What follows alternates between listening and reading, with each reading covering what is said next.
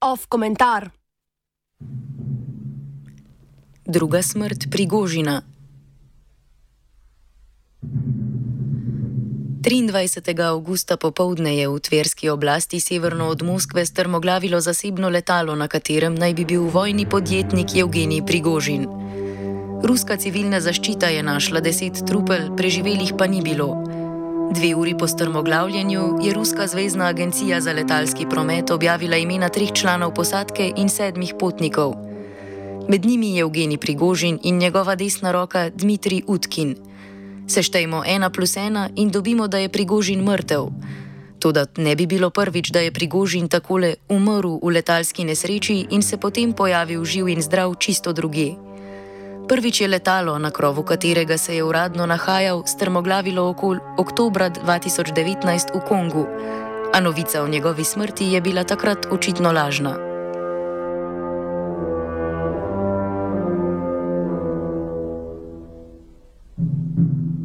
Večina medijev je hitro začela obravnavati Prigožinovo domnevno smrt kot gotovo dejstvo. Sledila so predvidljiva razmišljanja o tem, da gre za Putinovo maščevanje za junijski upor in svarilo ruskim elitam, ki bi si drznile imeti protioblastne ideje. Putinovega vojaka Prigožina je CNN uvrstil kar med disidente, umorjene po naročilu vsemogočnega diktatorja. Postavili so ga ob bok Borisu Nemcovu in Ani Politkovski postal je mučenik v boju za svobodno Rusijo. Slava mu.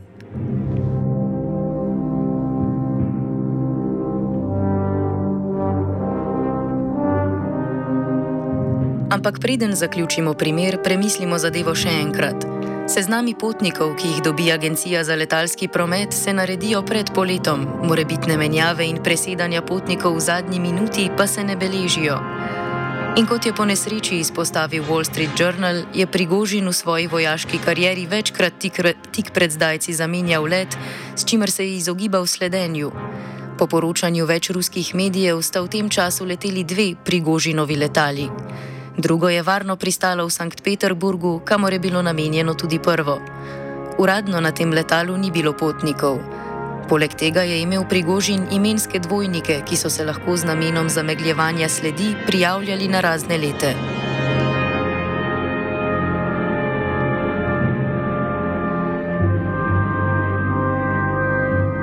Teorija, da je bil na strmoglavljenem letalu Prigožinov dvojnik po imenu Evgenij Prigožin, ni čisto za lase privlečena.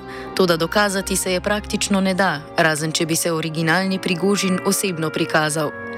So pa nekaj olja na ogen tej ideji prilile trditve še enega ruskega medija Baza, da na pogrebu pred tednom dni ni bilo žene originalnega Evgenija Prigožina, opazili pa so Irino Krasavino, ženo Evgenija Prigožina z rojstnim imenom Leonid Krasavin, ki je kot dvojnik javnosti postal znan leta 2020, ko je šel pod svojim novim imenom v Litvo, pa se je izkazalo, da tja ni prišel original.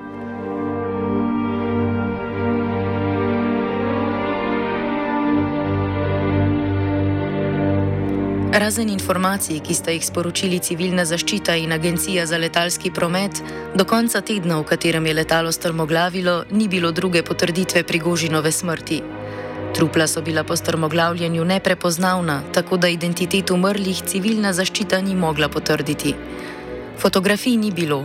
V nedeljo po strmoglavljanju pa je DNK analiza sodne preiskovalne komisije Ruske federacije pokazala, da je eno od trupel res prigožinovo smrt uradno potrjena, špekulacije nesmiselne.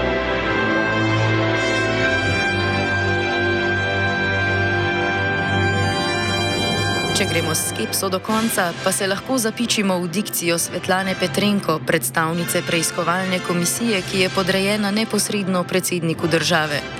Ta je povedala, da je DNK analiza pokazala, da se identitete vseh desetih žrtev nesreče skladajo z objavljenim seznamom potnikov.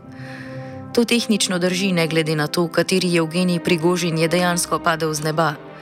Rezultatov analize javnost ni dobila na upogled, imamo samo uradno izjavo.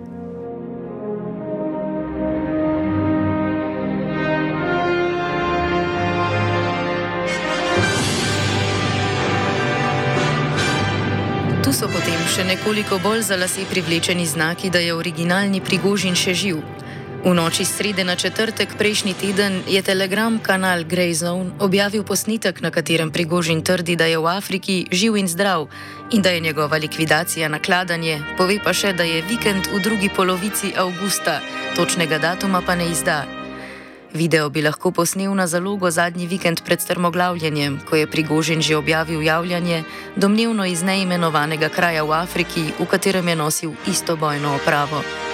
Kdor je hotel verjeti, da je prigožin živ, je lahko drug video vzel kot novo javljanje, posneto na vikend po strmoglavljenju. Na družbenih omrežjih so se ljudje spustili v simbolizem pesmi, ki naj bi jo položili k pogrebnemu vencu, v kateri se Mati Božja sprašuje, ali je njen sin živ ali mrtev. To naj bi bil namig, da prigožin še živi.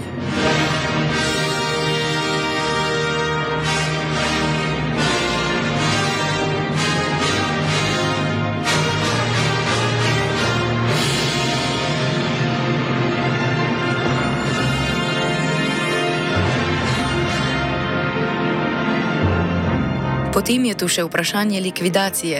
Če je Prigožinova smrt res maščevanje in svarilo, je morala imeti prste vmes država.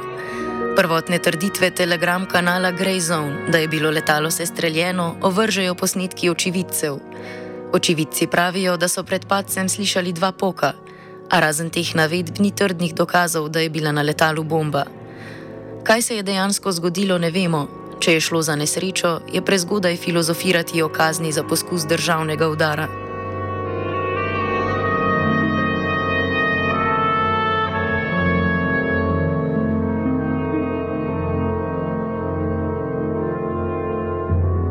Prigožin je bil do nesreče nenavadno privilegiran za izdajalca države.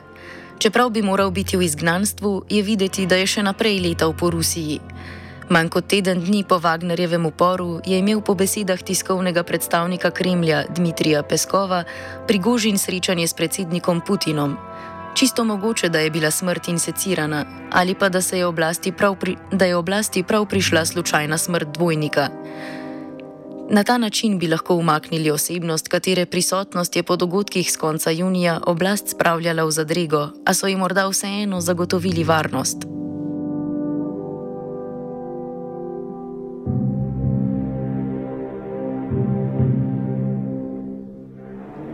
Fotodokazov in rezultatov gen genske analize javnosti niso pokazali, dobili smo samo uradne potrditve od državnih institucij. Državi pa morda bolj ustreza, da velja prigožin za mrtvega in je zamolčala DNK, katerega prigožina so našli v ostankih potnika strmoglavljenega letala. Po drugi strani pa ne moremo z nobeno gotovostjo zanikati njegove smrti. Če gremo v to smer, z lahkoto zapademo v teorije zarote. Če govorimo o zaigrani smrti, dejansko teoretiziramo o zaroti. Ampak taka trditev tudi potrebuje močne dokaze, ki jih ni. V tem komentarju navedene možnosti, kako bi lahko Prigožin preživel, preživel so špekulacije, tudi če imajo nekaj podlage.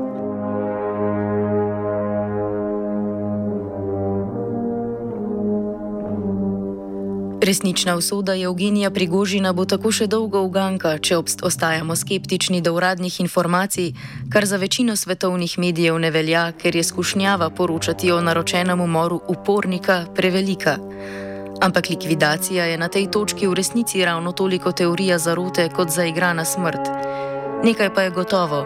V vsakem primeru je Evgenij Prigožin uradno mrtev in ne bo več politično relevanten pa naj izmaličen leži v grobu, v miru poležava na dači ali še rovari po Afriki.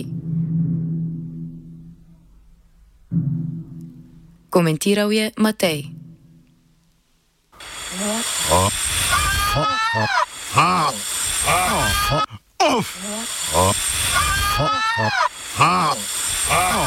Off komentar.